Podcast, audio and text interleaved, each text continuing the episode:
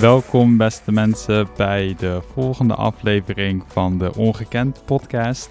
Sorry dat er twee weken geleden even geen aflevering verscheen. Dit had te maken met uh, mijn vakantie. Moet ook af en toe gebeuren namelijk. En met een ander project waar ik echt ongekend druk mee ben geweest. Ik ben echt nog nooit zo druk geweest in mijn hele leven denk ik, uh, de laatste twee weekjes met een online cursus die ik gereleased heb. Die vastzat aan bepaalde deadline beloftes die ik al had gemaakt en een beetje scherp bleken te zijn. Een cursus getiteld uh, Academic Mastery with Rome Research over het hele kenniswerkproces eigenlijk. Dus van effectief studeren, van uh, leren hoe je Rome Research gebruikt, naar effectief notities maken en goede informatiesynthese doen en papers schrijven. Maar goed, dat is weer even een ander onderwerp. Laten we het weer over de podcast gaan hebben. Mijn gast vandaag is Jos Hornix. Jos Hornix is hoogleraar aan de Radboud Universiteit Nijmegen bij het uh, departement taal en communicatie, waar hij onderzoek doet naar argumentatie en het overtuigingsproces. Dat zijn dan eigenlijk ook de dingen waar we het vandaag over gaan hebben. We hebben het over wat maakt dat mensen een bepaald argument voor een standpunt wel of niet accepteren. Welke vragen mensen zich meestal stellen, vaak intuïtief, om in te schatten of een bepaalde overweging uh, wel of niet een, een bepaald standpunt rechtvaardigt.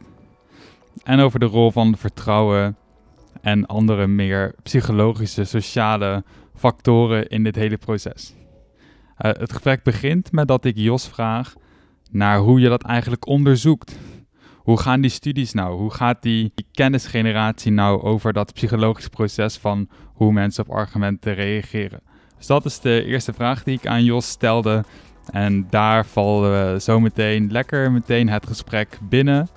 Dus uh, veel luisterplezier.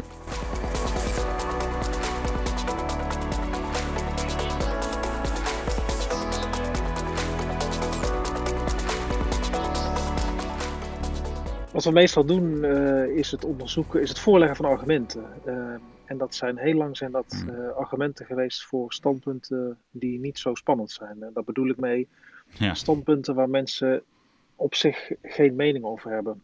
Of een neutrale mening bijvoorbeeld. ik zou het voor de vuistweg kunnen bedenken. Het tweewekelijks maaien van het gazon is heel bevorderlijk voor de kwaliteit, eh, voor de bomengroei bijvoorbeeld. Ik heb geen idee, ik, ja, ik geloof dat dat niet waar is, maar stel ik heb geen idee. He, dus op een 100 punt schaal of op een 5 punt schaal zit ik in het midden. En dat zijn heel lang de standpunten geweest waar we naar gekeken hebben. Standpunten waar mensen geen uitgesproken mening over hebben. En, dat, en, en daar begint het mee. voor elk standpunt kun je één of meerdere argumenten bedenken. Uh, en we hebben dus heel vaak uh, ja, argumenten bedacht die sterk of zwak zijn. En die hebben we vergeleken vraag je dan ook eerst aan mensen wat hun mening al is. Dus bijvoorbeeld op die puntschaal van 0 tot 100. En dan zitten ze bijvoorbeeld eerst op 20. En dan laat je ze een paar argumenten lezen. En dan kijk je daarna of ze een mening hebben bijgesteld. Ja, en dat zijn dan niet dezelfde proefpersonen. Want als ik jou eerst vraag, hè, dat standpunt wat ik net even verzond van het gras uh, maaien. Als ik dat jou nou zo vraag zonder argument. En ik ga je dan vervolgens datzelfde standpunt nog een keer voorleggen met een argument dan vraag ik jou eigenlijk om te heroverwegen wat je net vond. Ja. Je gaat dan opnieuw nadenken over, ja, ja, je kunt verwachten dat je er misschien iets positiever over zou moeten zijn, want er staat nu bijvoorbeeld een deskundige bij die aangeeft dat het zo is, of er is een bepaalde biologische verklaring voor. Dus dat doen we eigenlijk niet. En wat we wel doen is dat we op een moment in de tijd een hele serie standpunten voorleggen aan proefpersonen, die waarschijnlijk lijken op de proefpersonen van het daadwerkelijke experiment. Die beoordelen dat op vijf of zeven punt schalen en die scores uh, die gebruiken we dan. Om later in een, in een tweede moment mensen dus een standpunt voor te leggen met een argument en ze beoordelen dan het standpunt. Ja, ja dus je meet eigenlijk niet de meningsverandering, maar je meet gewoon, uh, zeg maar, hoe goed vind je dit standpunt uh, gebaseerd op dat argument. Ja, dat klopt. En, en dat lijkt, intuïtief is dat misschien niet slim. want we vergelijken dus, hè, wat we dus doen, is dat we in die ontwerpen ook proefpersonen zitten in verschillende groepen. Stel dat ik uh, vier soorten argumenten. Dan vergelijken we soorten argumenten en daar dan een sterke en een zwakke variant. Stel ik heb vier soorten argumenten, een kausaal verband of een deskundige of een, ehm, eh, eh, een voorbeeld. Dan krijg ik als proefpersoon verschillende standpunten voorgelegd. Elke standpunt uniek, met telkens een ander argument, variërend in sterkte of zwakte. En er zit ook vaak een argument, er zit ook af en toe een standpunt bij zonder argument, maar dat is een ander standpunt. Hmm. In een andere versie krijgt die proefpersoon dezelfde standpunten, maar hoe leren we dan wat daarbij komt? Sterk argument van de type 1, zwak argument van type 2 of soms dus ook geen argument. Dus, dus, dus, het is wel zo dat in dat experiment zijn ook mensen die dat standpunt beoordelen zonder argument. En die vergelijken we, als dat standpunt van net van het grasmaaien gemiddeld een, 5, sorry, een een uh, 3,2 scoort op een 5 schaal. En we weten dat een statistisch argument een 3,8 gemiddeld scoort. Dan gaat het ons om die verschilscore. Ja. dat doen we omdat uh, aan één proefpersoon twee keer de vraag stellen. Uh, ja, heeft twee gevolgen. Of iemand weet, ik moet hier iets positiefs van vinden en die is heel enthousiast. Ja. En dan meet je te hoog. Of iemand denkt, ja, dat zal maar wat. Uh, ik, ik ver, verander helemaal niet van mening. Of die is zelfs negatiever. Dus je krijgt in beide gevallen is, is het gewoon nadelig. Dus het is het verstandig om dat niet te doen. Ja.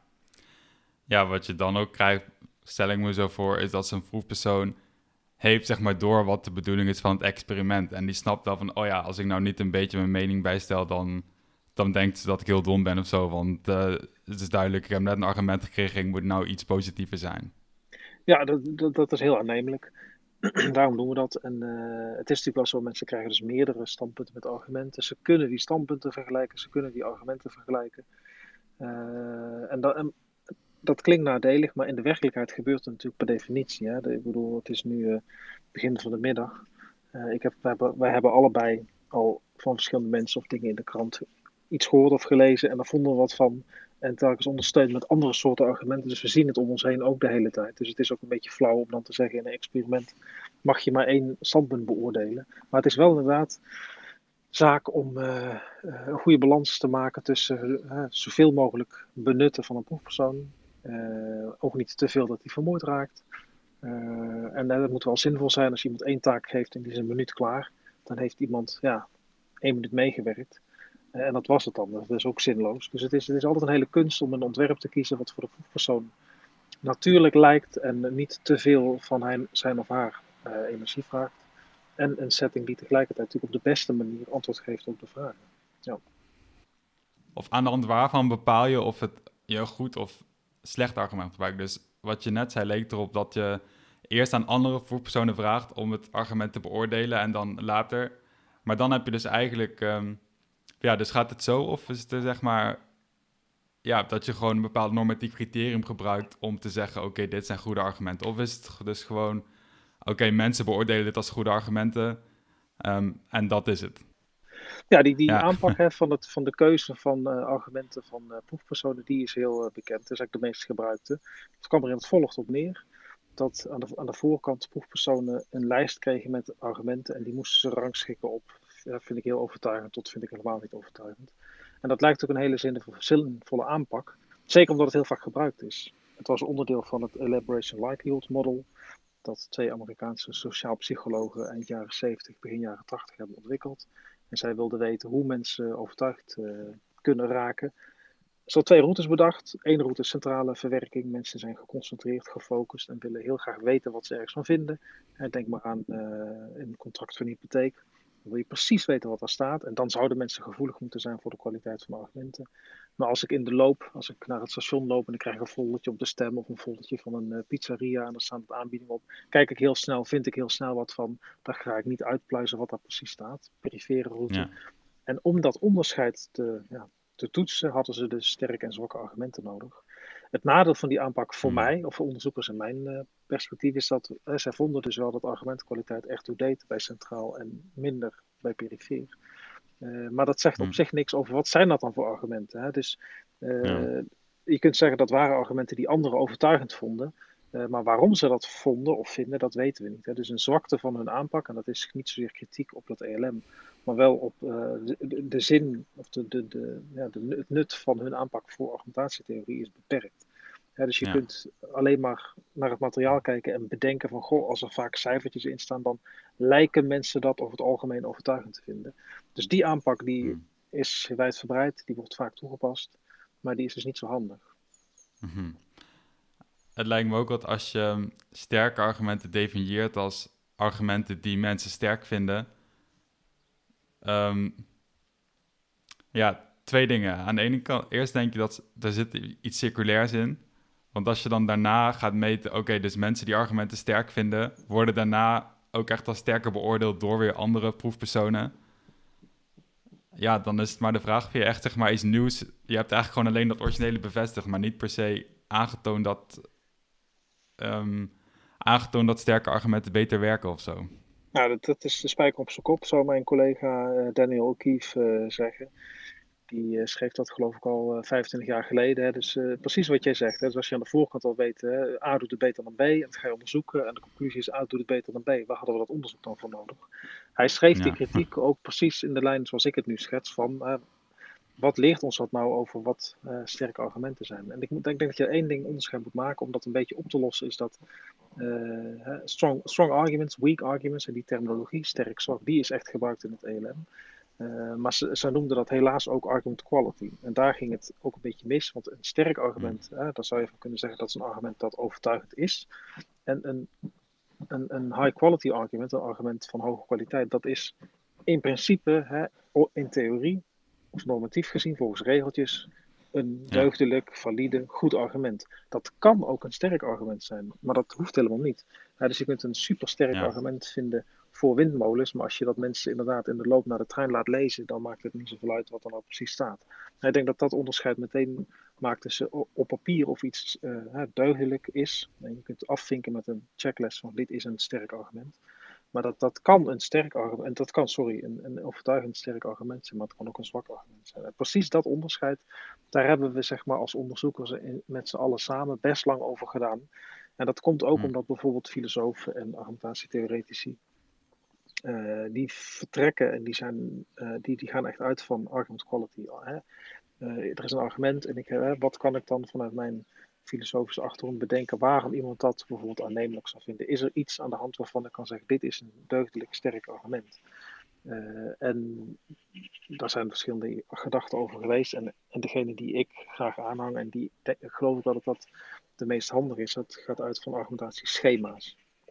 Ja, dat is de gedachte dat je alle argumenten die in het wild bestaan, die kun je onderverdelen, klassificeren in soorten. En elke soort daar hoort een schema hmm. bij. Een soort ja, beredeneerde uh, manier van hoe dat argument in elkaar zit. Ja, bijvoorbeeld deskundigheidsargumentatie of autoriteitsargumentatie bestaat uit de gedachte dat een deskundige uh, het standpunt bevestigt. Hè, dan krijg je zoiets als van uh, iemand zegt A, of een deskundige zegt A, dus A is waar. Ja, dus het is vaak in, in de logische formele logica vorm weergegeven. A leidt tot B, A is waar, dus B is waar. Dus het moest dan wel zo zijn dat iets waar is omdat de deskundige het zo zegt. Daar is ook vaak over gesteggeld, want die formele logica die is denk ik interessant. Rond ik het even naar bovenaf. Uh, Maar die, als je daarmee gebruik wil maken voor hoe redeneren mensen in het dagelijks leven, dan heb je daar niet zoveel aan. Uh, en die schema's die zitten een beetje op het snijvlak. Hè. Die hebben wel de vorm, als je naar boeken hmm. kijkt, hebben de, de uiterlijke vorm van zo'n formeel argument. Maar die hebben eigenlijk ook de, de, de achtergrond van, goh, dit zijn dit is, hè, die zijn vaak gebaseerd op bijvoorbeeld krantenberichten. Wat hebben we in de krant gezien? Wat hebben we in boeken gelezen? Hè, hè, ik wou bijna zeggen levende argumentatie, maar dat is, heeft ooit geleefd. Maar hè, de uh, platgeslagen levende argumentatie van tussen mensen onderling, als je dat opschrijft en je gaat zeggen wat is dat voor soort argument, dan kun je hele lijsten maken van, uh, van soorten schema's. Ja. En de grap is, als ik nog even verder dat afmaak, is dat van elk schema zijn dan uh, is dan nagedacht, wat, maakt, wat als zou zo'n argument, bijvoorbeeld zo'n autoriteitsargument, wat zou dat nou, wanneer en onder welke omstandigheden is dat nou deugdelijk? Is dat nou valide? Uh, of wanneer is het dat niet? En um, ja. daar is natuurlijk lang over nagedacht. Ik denk dat je de oude Grieken ook hier e-, even mag noemen. En zo halverwege of eind vorige eeuw uh, is geloof ik een Amerikaan, Arthur Hastings, die heeft heel, heel uitdrukkelijk bij schema's, niet alle schema's, kritische vragen genoemd. Dus het, het, idee van critical questions, kritische vragen, dat is echt blijven hangen. dat zouden eigenlijk vragen moeten zijn die een, en die een burger uh, zich zou kunnen stellen als die een argument ziet. Hè, in hoeverre ja, moet ik hier nou mee meegaan? Uh, en zo'n kritische vraag bij een autoriteitsargument zou dan zijn: is, is de opgevoerde persoon deskundig? Of is die betrouwbaar? Of is wat hij of zij vindt uh, consistent met wat andere deskundigen vinden? De kracht van die argumentatieschema's is dat die vragen die daarbij horen, in principe, maar daar hoor je het al, dus het lukt niet altijd, maar in principe kenmerkend zijn voor dat ene schema. elk schema heeft zijn of haar, ja, of heeft de eigen vragen die daarbij horen. Het heeft ook wel een heleboel zwaktes, hè, want uh, je kunt ook vragen erbij bedenken als jij vindt dat dat een zinvolle vraag is. Uh, en we weten niet, en dat, daar raakt uh, toch een beetje mijn onderzoeksdomein, wat mensen doen. Hè. Dus ik, ik, ben geïnteresseerd in het algemeen in de vraag hoe redeneren mensen met argumenten.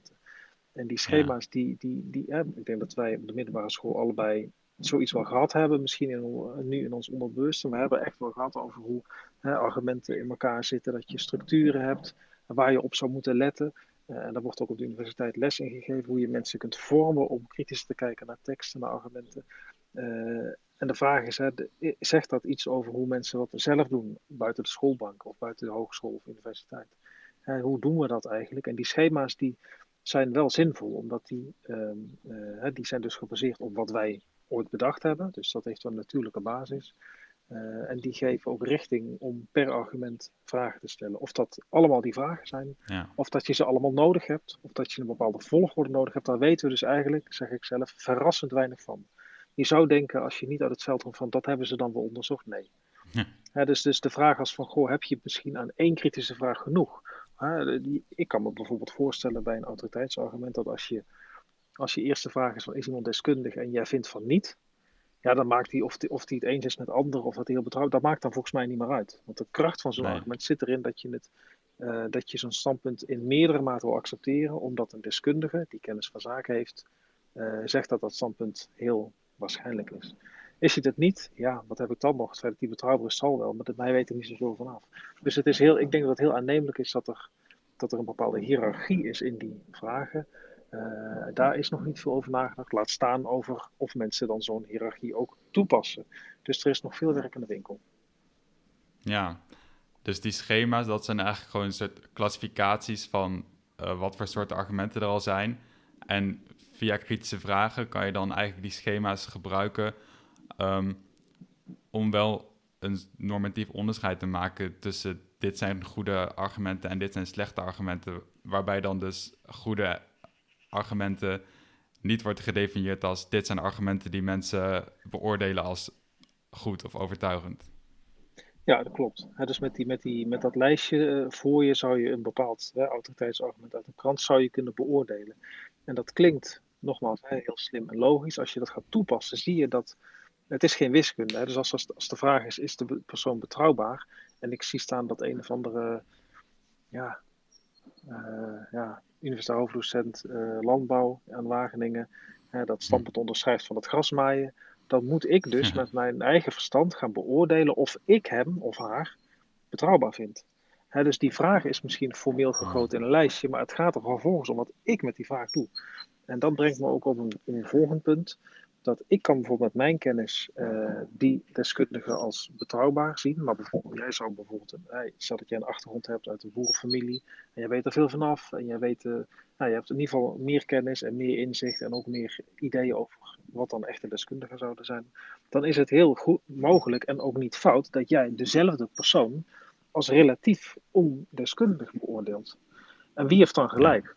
Nou, we hebben allebei gelijk en het gaat er volgens mij dus ook niet zozeer om dat, je, dat we er naartoe moeten dat we kunnen beoordelen of dat argument hè, per definitie kloppend is, of dat argument supergoed is. Maar het gaat er volgens mij meer om dat uh, als ik met mijn systeem die persoon als betrouwbaar zie, dan zou het zo moeten zijn dat ik vervolgens ook meer meega met dat standpunt dan wanneer ik ja. die persoon minder betrouwbaar had gevonden. Het gaat er dus om wat ik zelf in mijn eigen systeem uh, uh, redelijk vind. Hè. Dus het, ik, ja, de stelling zou kunnen zijn dat als iemand uh, op een juiste manier met die vragen omgaat, dat hij dan tot een oordeel moet komen wat passend is bij die vraag, de beantwoording van de vragen op, de, mijn manier. Jij kan met dezelfde vragen tot een ander oordeel komen, maar dan hebben wij allebei, hè, heel redelijk zijn wij dan omgegaan met die, met die vragen. Uh, en uh, een Hmm. aantal jaar geleden ben ik uh, een samenwerking gestart met een cognitief Ah. psycholoog in, in Londen. Ze zat in Cardiff en daar heeft volgens mij twee maanden geweest voor een heel kort sabbatical. En zij ging toen daarna naar Londen toe. En zij heeft ja, wel aan de voet gestaan van het toepassen van het, het Bayesiaanse theorema, toegepast in de argumentatietheorie, om te kijken hoe dat Bayesiaanse theorema, dat zegt iets over hoe ik informatie heel algemeen zou moeten updaten en zou moeten meenemen in mijn oordeel over iets. En de kracht daarvan is dat het eigenlijk heel simpel is. Uh, en, en, dat het ook mathematisch klopt. Als ik zeg maar gewichten kan toekennen aan die informatie en aan uh, onderdelen van informatie, dan kan ik berekenen wat ik vervolgens van dat standpunt zou moeten vinden. Het nadeel van die aanpak is dat het Hmm. niks zegt over wat voor soort argument het is of wat de context is. Uh, en, en ik, wij, zij en ik en ook wat anderen pleiten ervoor om eigenlijk die combinatie te leggen. Om die schema's die hebben als voordeel dat ze inhoud hebben, hè, met kritische vragen. Ja. Je kunt er wel kritiek op hebben, heb ik ook. Maar dat heeft in ieder geval inhoud. En er zijn soorten argumenten. En dat Bayesiaanse theorema geeft eigenlijk het proces weer hoe je zou moeten redeneren. En als we erin slagen om dat mooi te combineren, dan zou je dus uh, kunnen zeggen dat bij een bepaald uh, schema, als je, zouden dit misschien de centrale vragen moeten zijn, of in die volgorde. En dan zou je kunnen verwachten dat iemand die zo'n argument ziet uh, en van dat argument dit vindt, dan zou die dat, dat standpunt in zoverre wel of niet moeten accepteren. En nogmaals, dat die uitkomst kan voor mij heel anders zijn dan voor jou. Maar dan zijn we er bijvoorbeeld allebei op een zinvolle, of ik noem dat dan maar even op een redelijke manier mee omgegaan. Um, en er is, er is hoop, hè. de eerste onderzoeken op dat terrein laten zien dat we toch wel kunnen zeggen dat mensen best redelijk met argumenten kunnen omgaan. Maar er is één heel grote maar, dat is dat dat Hm. onderzoek, waarvan ik ook uh, heb geprobeerd bij te dragen, vooral ook bestaat uit hè, wat we net aan het begin zeiden, standpunten die niet zoveel om het lijf hebben, standpunten waar ik Ja. van tevoren niet zoveel van vind. Hè, dus mensen zijn, zoals ik dat dan uh, onlangs ook noemde, voor reden vatbaar uh, voor standpunten, voor de argumentatie voor standpunten waar ze nog geen expliciete uitgesproken mening over hebben. En de vraag is, het antwoord weten we wel een beetje, is dat ook zo als je al iets vindt van een standpunt? Dan wordt het spannend. Ja. Ehm, want dat wilde ik net vragen ook. Als je dan zegt van ehm, de uitkomst kan voor jou heel anders zijn dan voor mij. Maar toch zijn we wel allebei redelijk uh, of rationeel of um, deugdelijk met deze informatie omgegaan. Uh, maar hoe, hoe bedoel je dat precies? Ja, Want je zou dus ja. denken van, als, het, als wij op, tot hele andere conclusies komen, dan is er bij een van de twee ergens iets misgegaan. Ja, ik snap dat je dat, eh, dat, dat lijkt heel logisch. Ja, toch, toch zou ik eh, zeggen dat dat niet zo is. En dat komt omdat, eh, nou het klopt wel, als we allebei van tevoren over het standpunt over gas 50-50 scoren, dat is niet zozeer heel onwaarschijnlijk, ook niet heel waarschijnlijk. Ik heb gewoon geen idee. Eh, Vervolgens zou je, eh, als, ik, als, als mijn antwoord op de vraag hoe deskundig vind je deze persoon, als er allebei hetzelfde op scoren, hoe betrouwbaar vind je die persoon, als we op die verschillende onderdelen dezelfde scores hebben, dan kun je met het theorema berekenen wat, mijn, hè, wat het kleine stukje is wat ik dan opschrijf in dat standpunt. Dan zouden wij inderdaad precies hetzelfde moeten vinden. Alleen wij zijn twee mensen, wij zijn geen robots. Dus de kans dat wij, als we al van tevoren precies hetzelfde vinden over het standpunt. Ik vind bijvoorbeeld die persoon net iets betrouwbaarder dan jij. Maar ik vind hem iets minder deskundig dan jij. En dan, dat, daar verschillen we net een beetje in. En dan kun je in ieder geval berekenen op papier wat ik ervan zou moeten vinden. En de eerste signalen zijn dat dus die theoretische inschattingen van wat ik en jij ervan zou moeten vinden, dat die heel erg dicht in de buurt komen wat ik er ook van vind. Dus dat Bayesiaanse Ja. paradigma lijkt, in ieder geval voor sommige, eh, standpunten, sommige soorten argumenten goed te werken. En dan vinden wij dus allebei uiteindelijk iets anders. Maar dan hebben wij wel eh, ehm, eh, dezelfde denkstappen gezet. En dan zijn wij, hebben wij die onderdelen waar wij iets wat van, waar wij wat van vonden, hebben we allebei op dezelfde redelijke manier meegenomen. Hè, dus als ik bijvoorbeeld, eh, ik heb thuis veel, veel gras, dus ik, ik ja, zou kunnen zeggen, ik kijk best wat naar gras. Maar iemand die op een, eh, aan de rand van, of aan de, flat woont in de stad en weinig gras ziet en er weinig mee bezig is, die zou daar bijvoorbeeld sowieso op allerlei punten andere ideeën over hebben. Maar dat, zou, dat betekent niet dat ik dus tot een beter oordeel moet komen dan die andere persoon. Maar het gaat er Hmm. wel in beide gevallen over, kom je met je deeloordelen tot eenzelfde zinvolle, zinvol oordeel, gebaseerd op dat nieuwe, op dat nieuwe argument. Eh, en Ja. en het, het doet veel meer recht, denk ik, aan hoe wij als mensen dagelijks omgaan met argumenten. Want het is natuurlijk niet zo dat dat uh, het gebeurt heel zelden dat je na een toespraak of iets dat je leest radicaal van mening verandert. Dat, uh, dat kan wel eens een beetje voor je gevoel zo gebeuren. Goed, ik denk er toch wel anders tegenover. Maar als je het vervolgens iemand het bij jou zou meten, dan zakt dat toch weer weg. Of dan valt het toch weer mee. laat staan wat je twee dagen later ervan vindt. En wij zijn relatief stabiel als mensen, hmm. gelukkig, in, onze, in onze oordelen en houdingen. Ja, dus het kan zijn dat wij op andere dingen uitkomen, omdat we gewoon eigenlijk heel andere voorkennis of een heel ander wereldbeeld hebben. En daarom schat ik deze informatie anders in.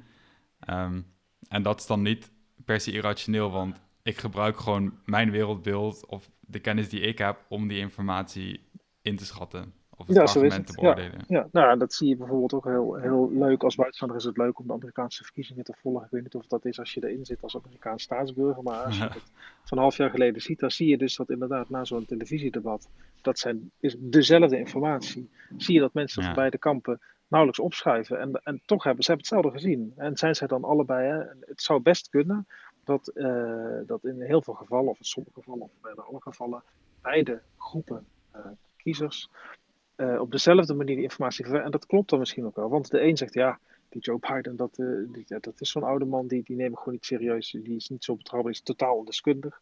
En iemand aan de andere kant zou zeggen, ja, die Trump, die, hij deugt ook niet als het daarom gaat. En dan heeft iemand, dan hebben beide kiezers hebben, hebben misschien hmm. met dezelfde gedachtenvorming, is, zijn zij gebleven met standpunt of hebben ze maar een klein beetje opgeschoven. En dat klopt dus bij allebei. Ja, dus uh, het leuke, of het, wat ik heel leuk vind van die benadering, is dat het ook recht doet aan ja, zoals het in het echt is. Uh, En het brengt wel in twijfel, en daar wordt het, vind ik ook wel le leuk en spannend, van wat is dan rationeel en wat is goed.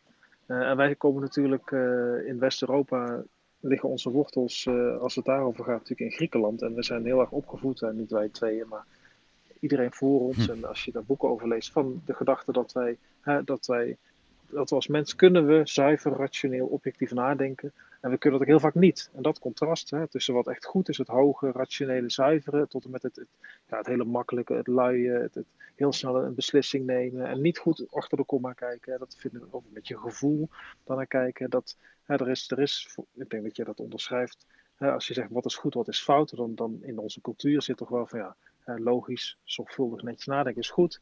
even op zijn 11 snelle beslissing, dat is niet zo goed. Eh, en eh, ja, daar zit een heel duidelijk idee achter dat, dat het een rationeel is, het ander niet. En dat zou eigenlijk betekenen dat uh, wij zijn nu bijvoorbeeld heel geconsulteerd in gesprek, uh, maar wij zijn dat niet hmm. de hele dag. Hè. Wij nemen heel veel beslissingen, sterker nog, we nemen bijna alle beslissingen, uh, je zou je kunnen zeggen, op de automatische piloot. En dat is voor een deel ook op gevoel, op, op intuïtie. En dat gaat heel, het meeste gaat ook goed. Het meeste gaat gewoon goed. Dus hè, dat roept wel de vraag op van, goh, als wij dan eigenlijk hè, volgens die standaarden zouden wij, niet alleen jij en ik, maar de mensen als heel, heel vaak heel irrationeel zijn. En ik vind het wel spannend om te bedenken, is dat dan ook zo? Of misschien eigenlijk is het het antwoord van alleen dat is volgens mij niet zo. Ik, ik, ik, ik weiger toch wel een beetje te geloven dat we als mens bij 95% van de tijd niet rationeel zijn. Maar dat heeft wel te maken van wat is rationeel? Als je rationeel vindt dat je inderdaad heel zorgvuldig uh, de tijd neemt om je positie te bepalen, alle bronnen selecteert die er zijn. Ja, die hoort het al. Dat doe je voor je masterscriptie, bij wijze van spreken, of je proefschrift. Ja. Maar alle andere dingen daarnaast niet. En, en maakt mensen dat minder rationeel. Ik, ik ben wel verbaasd geraakt door uh, sommige resultaten, ook van mezelf in onderzoek. Dat je ziet dat mensen. Uh, een vrij recent onderzoek ging over de vraag: wat vindt u van dit standpunt? En mensen kregen standpunt en er zat een argument bij. Uh, en dat waren drie of vier type argumenten. Bijvoorbeeld dat autoriteitsargument wat ja. ik net zei. En mensen kregen alleen als vraag, dat waren mondelinge interviews, wat vindt u van het argument? Uh, sorry, wat vindt u van het standpunt? Dat is belangrijk. Hè? Dus wat vindt u van, wat vindt u er eigenlijk van? En mensen mochten gewoon er iets van vinden. Soms was dat 10 seconden, soms duurde dat een minuut. En wat je maar dan ziet, en het standpunt en, en, het standpunt en het argument kregen ze. Ja, het stond ook bij, dit is het standpunt, ja. dit is het argument. Wat vindt u van het standpunt? Ja. Um, okay, ja. Uh, en er werd dus ook gevraagd, uh,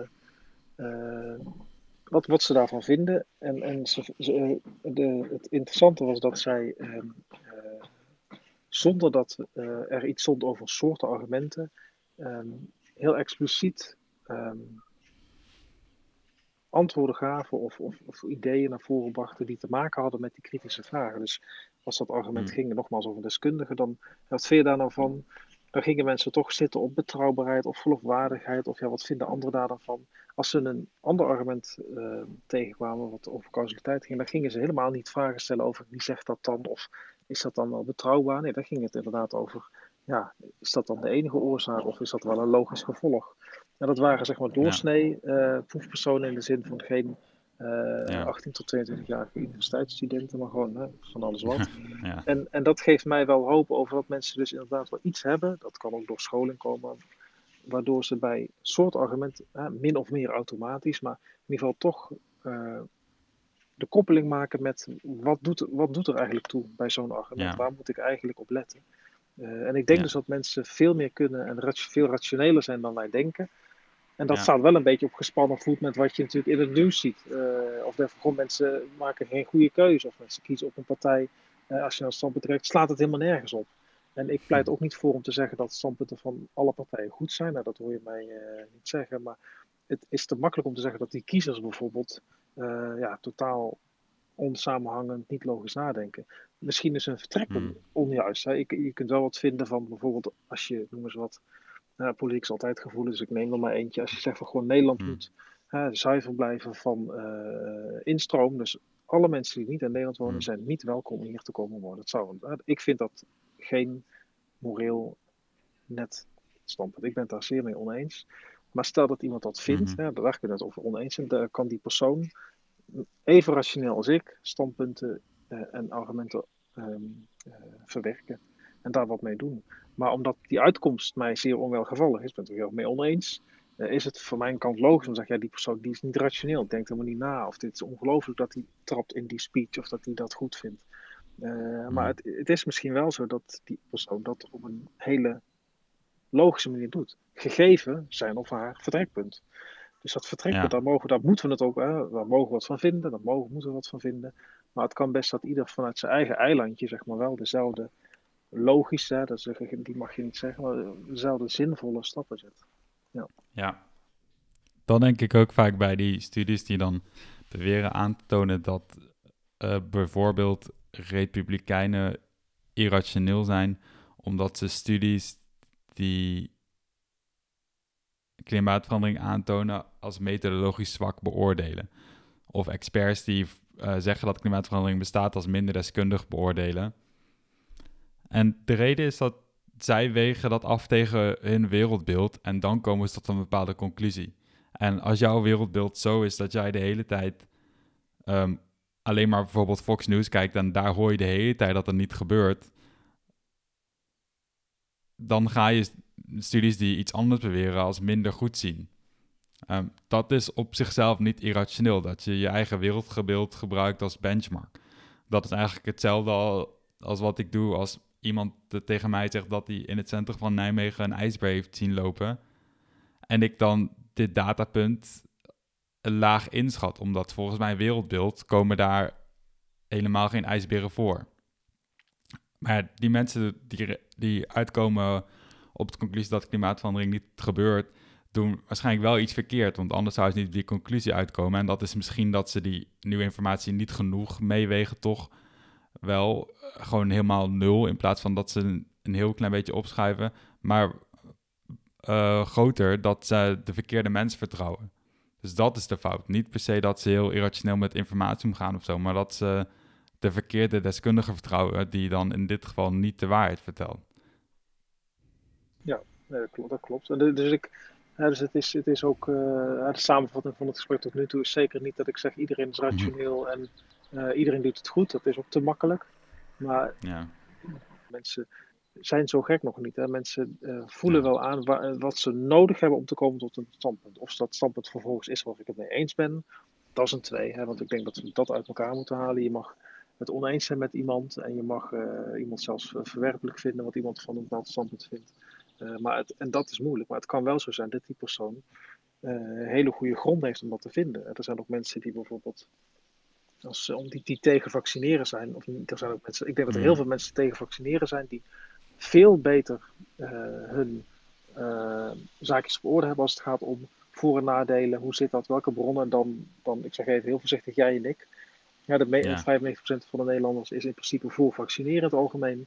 Uh, dat is ook een voor de maatschappij verstandig, denk ik, verstandige positie. En omdat iedereen, de meeste mensen dat vinden en dat heel gunstig is, zijn er heel veel mensen die niet nadenken over wat ze er precies van vinden. Dus je zou zelfs kunnen zeggen dat, dat, dat ik in ieder geval, en misschien jij ook, niet, helemaal niet zo rationeel zijn. Dat we veel te gemakkelijk komen tot dat standpunt en eigenlijk niet eens de argumenten paraat hebben waarom we dat zouden moeten vinden. En dat hmm. iemand die een standpunt heeft wat wij helemaal niet wenselijk vinden, namelijk vaccineren is super gevaarlijk of zeer onwenselijk, dat iemand daar wel hele logische stappen in zet. Maar dat is waarschijnlijk ook niet zo, want als ik eens kijk naar wat er dan te berden wordt gebracht aan argumenten, dan is dat toch vaak heel, heel bijzonder.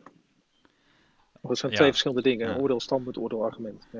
Ja, ja. dus uh, jouw standpunt is eigenlijk dat mensen ja, minder irrationeel zijn dan ja, wat je vaak hoort. En het argument is dat als je dus gaat kijken met die argumentatieschema's en wat zijn nou logische goede vragen om te bepalen of dit daadwerkelijk een, een deugdelijk argument is, dat mensen dan gewoon ja, op basis of met een gezonde verstand uh, de juiste vraag stellen.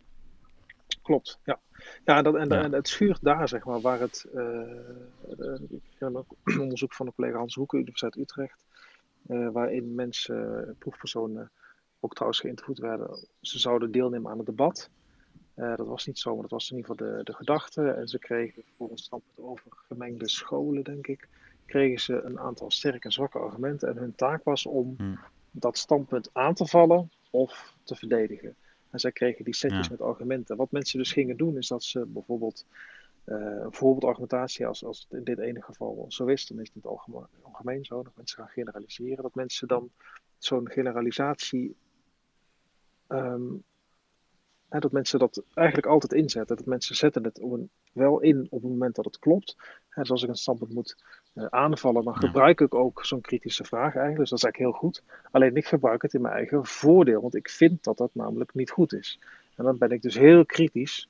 Uh, ik ben eigenlijk onterecht kritisch op dat standpunt, maar ik gebruik wel de juiste tools en ik kan de, dat juiste, de juiste tool of het juiste instrumentarium ook gebruiken als ik het ergens uit mee voor ben dus het, het, het, het, of je je eigen standpunt wil verdedigen of uh, aanvallen, dat is misschien niet zo rationeel. Dat is wel wat we de hele tijd, denk ik, als mens doen. Maar we gebruiken daar waarschijnlijk wel dezelfde mechanismen voor. En, en dan is de vraag, ja, is, dat, is dat hele proces rationeel of niet? Dat is wel interessant. Je gaat je ook afvragen, zeg maar, um, werkt het dan alleen bij van die grappige vraagjes als over dat gras? Of ook echt bij dingen die er voor mensen zelf uh, echt toe doen? Ja, dat is een hele goede vraag inderdaad. Ja, ja een tipje van de sluier, uh, in ieder geval als ik naar mijn eigen onderzoek kijk, is een studie die ik uh, heb gedaan. Studenten hebben er ook aan meegewerkt in de master van onze opleiding, waarbij um, proefpersonen twee teksten kregen, maar voor het gemak even één. En dan moet je je voorstellen dat dat een um, tekst was met een standpunt wat ook heel neutraal was, dat eigenlijk nergens over ging. En daar zat dan een deskundige bij, een hoogleraar van een passend terrein, die zei dat is zo. Uh, En in de andere helft van de gevallen was die hoogleraar wel deskundig, maar op een ander terrein, een niet passend terrein. Dus die is gewoon niet deskundig als het gaat om dat standpunt. Uh, een, een, derde van de proefpersonen die kreeg dat tekstje aangeboden, zoals we dat ook altijd doen. En met de vraag in hoeverre vindt u deze persoon deskundig, dan zie je dat mensen dus die normatief gezien deskundige hoogleraar ook deskundiger vinden dan die andere. Nou, het is niet spannend, dat wil je ook vinden. Leuker werd het bij de twee andere condities. In een van die twee condities uh, kregen mensen vooraf de instructie om zich in te beelden dat ze het heel erg voor, ik nog een keer, voor het twee wekelijks knippen van gras waren. En stel je voor hmm. dat je dit en dat en dat. En vervolgens kregen ze dus een tekstje te lezen van een deskundige die datzelfde standpunt onderschreef.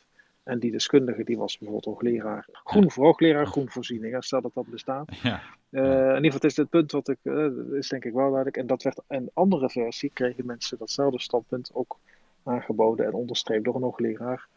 Oh. Wiskunde of uh, filosofie of Franse letterkunde. Laten we er even Franse letterkunde van maken. Ja. Nou ja, wat je, en, en, en, en een andere derde versie kregen mensen. Hè, beeld je in dat je, dat je het heel onverstandig vindt om dat gras te maaien en dat je dat echt niet moet doen, bijvoorbeeld dat de natuur de natuur laten. En nou, mensen kregen dus hmm. of je bent voor of tegen iets, kregen vervolgens een, een, nieuwsbericht met voor of tegen, ondersteund door een deskundige die er wat van af weet of niet. En telkens was de vraag, of eigenlijk één keer de vraag was, hoe deskundig vind je die persoon en hoe integer? Wat je dus hmm. ziet bij de proefpersonen die uh, eigenlijk maakte, of, dat was het wat, wat ik vreesde en verwachtte kwam ook uit.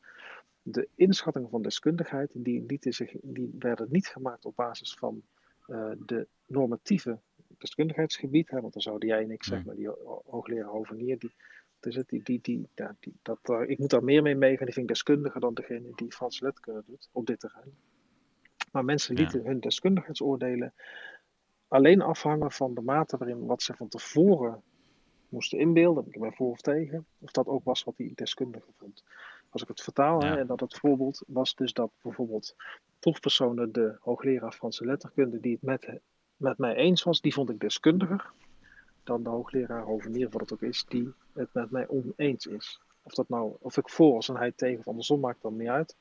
Uh, maar dat is dus hoe het werkt. En, en mensen. Hmm. Maar, en, en ik vond hem ook niet. Proefpersonen vonden zo'n persoon ook minder integer. Dat is eigenlijk nog erger. Dat, ja, dat kan niet aan doen. Uh, Maar dus mensen gaan dus niet af op wat ze zouden moeten doen, maar gaan af op wat ze van tevoren vinden. En, en dat is natuurlijk niet hmm. zo rationeel. Uh, in die zin dat je hoopt dat mensen openstaan voor. En tegelijkertijd is het ook heel begrijpelijk dat mensen niet zomaar afwijken van hun standpunt. Uh, maar dit, dat onderzoek uh, dat weerspiegelt eigenlijk een beetje wat je, vind ik, om je heen veel ziet. Dat mensen heel snel naar een hokje gaan, voor of tegen. Dat ze heel graag uh, bewijs vinden wat dat onderstreept. Ook op zoek gaan naar bewijs dat het onderstreept. En dus al het andere ja, als niet rationeel of, of onzinnig gaan bestempelen.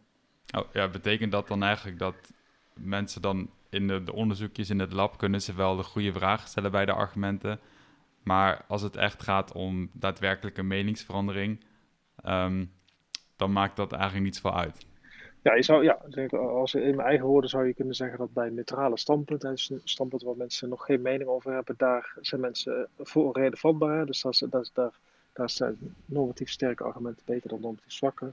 Maar zodra mensen een duidelijke mening hebben, dan maakt het, uh, dan, dan maakt het minder uit. En doen, dan doen argumenten er in principe sowieso minder hmm. toe. Uh, en dan moet ik wel zeggen dat dat heel vaak gaat over um, hele extreme standpunten. Hè. Dus dat zijn ook vaak standpunten die gepolariseerd zijn. Hè. Vaccineren, daar weten mensen van, daar zijn mensen heel erg tegen. veel onderzoek naar de doodstraf in de Verenigde Staten, dat is een standpunt waarvan je weet, mensen zitten of voor of tegen, maar er zit niemand die, eh, bijna niemand is ge, ge, ge, gebalanceerd. Ja. dus dat maakt ook nog eens extra dat, het, uh, dat mensen weten dat ze in een hokje zitten. Terwijl het natuurlijk ook wel standpunten zijn waar ik uh, best wel een mening over heb. Uh, en ook weet, ja, dat, dat, dat, dat, dat is rijp en groen op elkaar. Daar vinden mensen van alles van. Dus daar zit nog wel een verschil waar we eens naar moeten kijken hoe dat, hoe dat werkt. Dat soort standpunten of standpunten over die onderwerpen, dan heb je misschien als, als persoon, als mens niet super veel belang bij um, de waarheid. Zeg maar bijvoorbeeld bij dat grasvoorbeeld. Ja, je wilt gewoon mooi gras, dus je wilt gewoon weten hoe het zit. Maar heel veel van die andere standpunten, zoals ja, de doodstraf, ook misschien klimaatverandering, dan is het meer. Dan heb je er meer belang bij om hetzelfde standpunt te hebben als uh, je familie of jouw omgeving of jouw groep. Dan per se uh, het juiste standpunt te hebben als in het ware standpunt. Want ja, wat koop je daarvoor als je wel of niet in klimaatverandering in gelooft? Ja, nee, dat klopt. Ja, wat heb je aan de waarheid?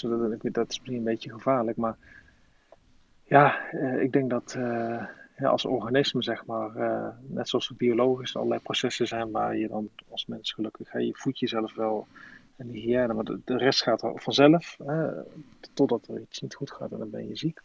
Maar zo is het, hè, je zou kunnen zeggen, onze mentale huishouding, daar hebben we voor ons gevoel wel vat op. Hè. We denken dat we zelf hmm. continu nadenken en, en soms denk je, denk ik niet over nou, wat vind ik gewoon. En veel daarvan gaat onbewust. Dus veel daarvan, hmm. uh, gedragspsychologen die schatten dat ongeveer in dat 95% van ons gedrag geautomatiseerd is. Hè. Dat hebben we natuurlijk een keer aangeleerd, maar dat blijft dan gewoon hetzelfde. dus als jij uh, in Engeland een auto moet rijden en je zit aan de andere kant. Ik vind dat heel ingewikkeld. Ik, ik heb het één keer gedaan. Ja. Ik, ik, ik, ik, raakte enorm in de war. Uh, terwijl als je in een andere auto gaat zitten die veel kleiner is, aan dezelfde kant links, of juist heel groot en heel hoog of zo, of in een bus, dan gaat het ons denk ik best lukken. Ja, dat is niet zo dat je dan hmm. ineens zegt, hoe zit dat nou met schakelen of hoe moet ik sturen? Maar ja, doe je het heel anders, dan raak je van je routine af. En het is ook, het is ook efficiënt. Het is ook goed dat we um, ook in ons denken niet alles moeten bevragen. Of dat ik, ja, dat als je, we komen natuurlijk dagelijks ja. veel mensen tegen. Eh, en, en dat je van iemand die je kent elke keer moet denken, is het trauma? Wat zei hij de vorige keer? Of is het, nou, wat weet ja. eigenlijk? Als je de hele tijd dat, vragen, dat soort vragen moet stellen, dan word je gewoon knettergek. Dus we staan ook in een soort uh, sluimermodus. Hè? Dus we, in die sluimermodus doen we het, ja, denk ik het meeste goed. En, en, en zitten we er niet ver naast. Alleen soms gaat het wel over belangrijke dingen. Hè? Verkiezingen net al even aangestipt. Dat zou je kunnen zeggen, dat is belangrijk. Uh, en als mensen dan ook een beetje in de sluimermodus beslissing nemen en, en 80% doet dat, ja, dan zit je ineens met een, een, een uitslag waar je dan als, hè, wat we dan zeggen, weldenken in Nederland, als we het op ons eigen land ja. niet zo blij mee zijn. Dus dat is, dat is denk ik ook wel het leuke en het spannende aan. Uh, aan de ene kant hoor je mij dus zeggen dat we heel veel dingen dus automatisch best goed doen en dat het logisch is dat we um, uh, efficiënt zijn en, en met, weinig energieverbruik beslissingen nemen. Maar er zijn ook momenten, op, het, op sommige momenten is het wel van belang dat je goed nadenkt en dat je uh, bijvoorbeeld je kinderen het juiste leert of uh, in het onderwijs dat je dan de goede dingen zegt tegen studenten. Uh, of dat je als je in het bad gaat met iemand ook eerlijk bent en niet willen ze weten gaat draaien terwijl je weet dat dat niet klopt. Dus op sommige momenten is het wel degelijk van belang dat we dat doen. En dan is de vraag, doen we dat altijd? En dat is, ja, dat is natuurlijk ook niet zo, uh, dat is niet altijd het geval, helaas. Hmm. Ja, en heb je een kijk op hoe vaak dat wel is of niet? Of wat daarin meespeelt? Tja, ik, het antwoord is nee. En, maar ik ben best hoopvol. In ieder geval, nou, eigenlijk allebei alle, en hoopvol. En soms, ik, als ik wel eens in de krant lees of een debat op televisie zie, dan ben ik soms ook hopeloos. Hoor. Dan denk ik, ja, hoe, dit is gewoon kansloos om iemand uh, voor reden vatbaar te maken van wat ik dan redelijk vind. Hè. Dus in gesprek inderdaad over vaccineren, het, dat, dat, is ook wat velen zeggen. Het is heel ingewikkeld om die mensen hun echokamertje uit te krijgen. Om mensen uh, in ieder geval de kans te geven, gewoon luister even een kwartier en hoor. of kijk je naar die bronnen. Ze zeggen ook echt van, de, eh, dit, dit kan helemaal niet. Of Bill Gates, die heeft hier verklaard of zo. Die heeft daar niks mee te maken. Want je kunt dat, en dan is het ziekmakend als dat niet lukt. dus het, hmm. maar die gevallen, die, die, die schieten mij nou te binnen van wanneer het echt niet lukt. Maar het punt is denk ik dat, uh, mijn collega Hugo Mercier, die in uh, Frankrijk uh, werkt, die heeft daar ja, een hele mooie theorie ontwikkeld, de Argumentative Theory of Reasoning. En hij, doet ook, heeft ook echt een heel mooi evolutionair perspectief. En hij zegt eigenlijk van ja, we, we gebruiken al sinds jaar en dag als mensen argumenten om onszelf te overtuigen, om anderen te overtuigen. Ja, en dat gaat eigenlijk door de bank genomen best goed. En dus hij is denk ik ook wel hoopvol in die, of hoopvol in ieder geval ook meer van, het, van, van, van de gedachte dat we eigenlijk rationeler zijn dan we vaak gedacht hebben. Denk die, die standaard van wat je uh, vanaf de lat waar je overheen moet springen om te zeggen dit is een goed, zuiver, objectief oordeel, dat die lat ligt gewoon hartstikke hoog. En dat mag bij een masterscriptie of bij de verdediging van een proefschrift. Uh, dan, dan moet dat ook zelfs. Maar bij heel veel beslissingen ligt of de lat misschien wat lager, of moeten we sneller tevreden zijn, of doen mensen het eigenlijk ook best goed. En is het ook goed dat mensen niet bij alles uh, uitvoeren. Nou, er is geen tijd voor. Bij een stoplicht moet je ook een inschatting maken. Uh, of uh, niet een stoplicht, maar een kruispunt waar geen stop. Daar moet je ook een inschatting maken. En mensen kunnen ook niet stoppen om dan eens een die situatie in een model te gieten achter de computer om dan te kijken, rijk door of rem ik. Ja. dus we moeten ook accepteren dat we met z'n allen nu leven en vaak nu iets mo moeten en mogen vinden. Maar dat we op bepaalde momenten willen we heel graag dat mensen wel het juiste doen. En, en dat gaat dan niet zomaar. Het vaccineren net als voorbeeld. Ja, daar zie ik wel ook het verdriet bij de mensen in de zorg en de, de beleidsbepalers. Dat het gewoon niet lukt om sommige mensen niet zozeer te overtuigen om het andere te doen, maar in ieder geval open te staan, in ieder geval om te luisteren naar wat, wat ook waar is en wat ook waar zou kunnen zijn. En, en, dan, en, en dat blijft wel hangen bij hoe redelijk zijn mensen. Dus op, op, op bij alle mensen zijn mensen het zeker niet. Maar ik denk door de bank genomen zijn mensen, in ieder geval intern wel. Hè, dus, dus degene die tegen vaccineren is, die, die heeft die informatie zo verwerkt en komt tot dat oordeel.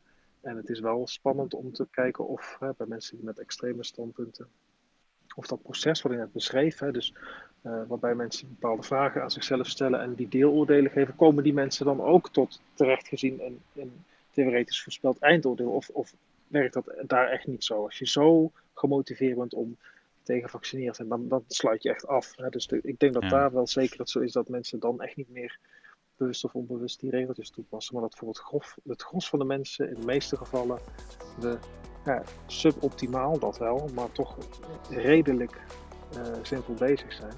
Uh, maar het is wel zo, dat was toch ja. nog een goede kanttekening, dat we natuurlijk over de meeste dingen iets vinden. En dat we, dat we zelden neutraal zijn. Dat we, en dat we dus toch wel bevooroordeeld informatie verwerken. Uh, Ja, en, en, en als je strikt bent, zeg je nou, dat is misschien niet zo rationeel. Maar als je, als je kijkt naar de gevolgen, dan kun je zeggen, het is eigenlijk best rationeel om heel efficiënt om te gaan met je energie. Dus het laatste wordt er Ja. niet over gezegd. En, en het is ook leuk om, om ja, het, zowel het een als het ander te vinden, om dan te gaan denken, ja, hoe zit het eigenlijk? Of wanneer is het, is het rationeel, wanneer niet? En wat is dan rationeel precies? Het zijn wel vragen die, als ik kijk naar het publieke debat over, eh, over allerlei onderwerpen en dat mensen door technologie in hokjes gaan zitten en hoe krijg je ze eruit? Ik, ik ben wel heel blij dat er een soort revival is van, van eh, hoe denken mensen, hoe redeneren mensen en vinden we het eigenlijk goed? Ja. Wat zou we dan kunnen doen? Eh, moeten we daar wat aan doen? Dus dat zijn wel vragen waar ik heel blij van word dat we die met z'n allen gaan stellen.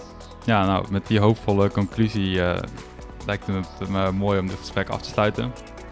Oké, graag gedaan. Mark.